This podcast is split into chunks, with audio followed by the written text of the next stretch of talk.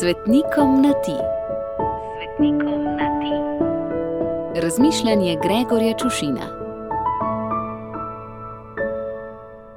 Ljuba moja sveta Timotej in Tit. Glede na vezi, ki so se spletla med vama in svetim Pavlom, glede na delo, ki sta ga za njim in Božje kraljestvo upravljala, glede na naloge, ki vam jih je Pavel nalagal in zaupal, bi lahko rekli, da sta opravljala službo škofovega tajnika.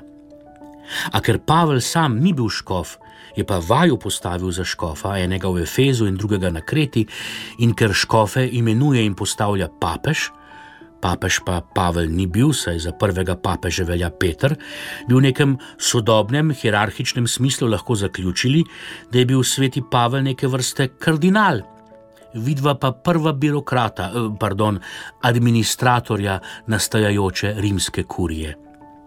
In ker vam izraz po vsej verjetnosti ni znan, ne vam ga pojasnim, da ne boste mislili, da vaju zmerjam in primerjam s kurami. Pa čeprav je po drugi strani res, da je med kurijo precej petelinjenja in kokodakanja. Prav tako kurija nima nobene neposredne povezave s kurjenjem, kot bi si kdo lahko razlagal iz izraza, pa čeprav je res, da kurija lahko komu podkuri, da so po zaslugi kurije koga tudi že zakurili in da mirnega, naivnega in pravovernega kristjana početje kurije lahko pošteno nakuri.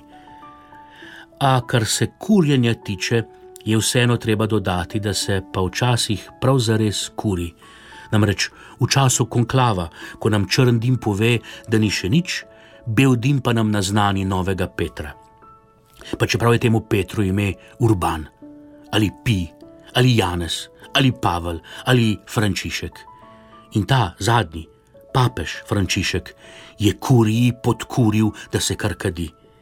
In da eminence in prečastiti vseh sort včasih v obupu in razburjenju letajo kot kure brez glave.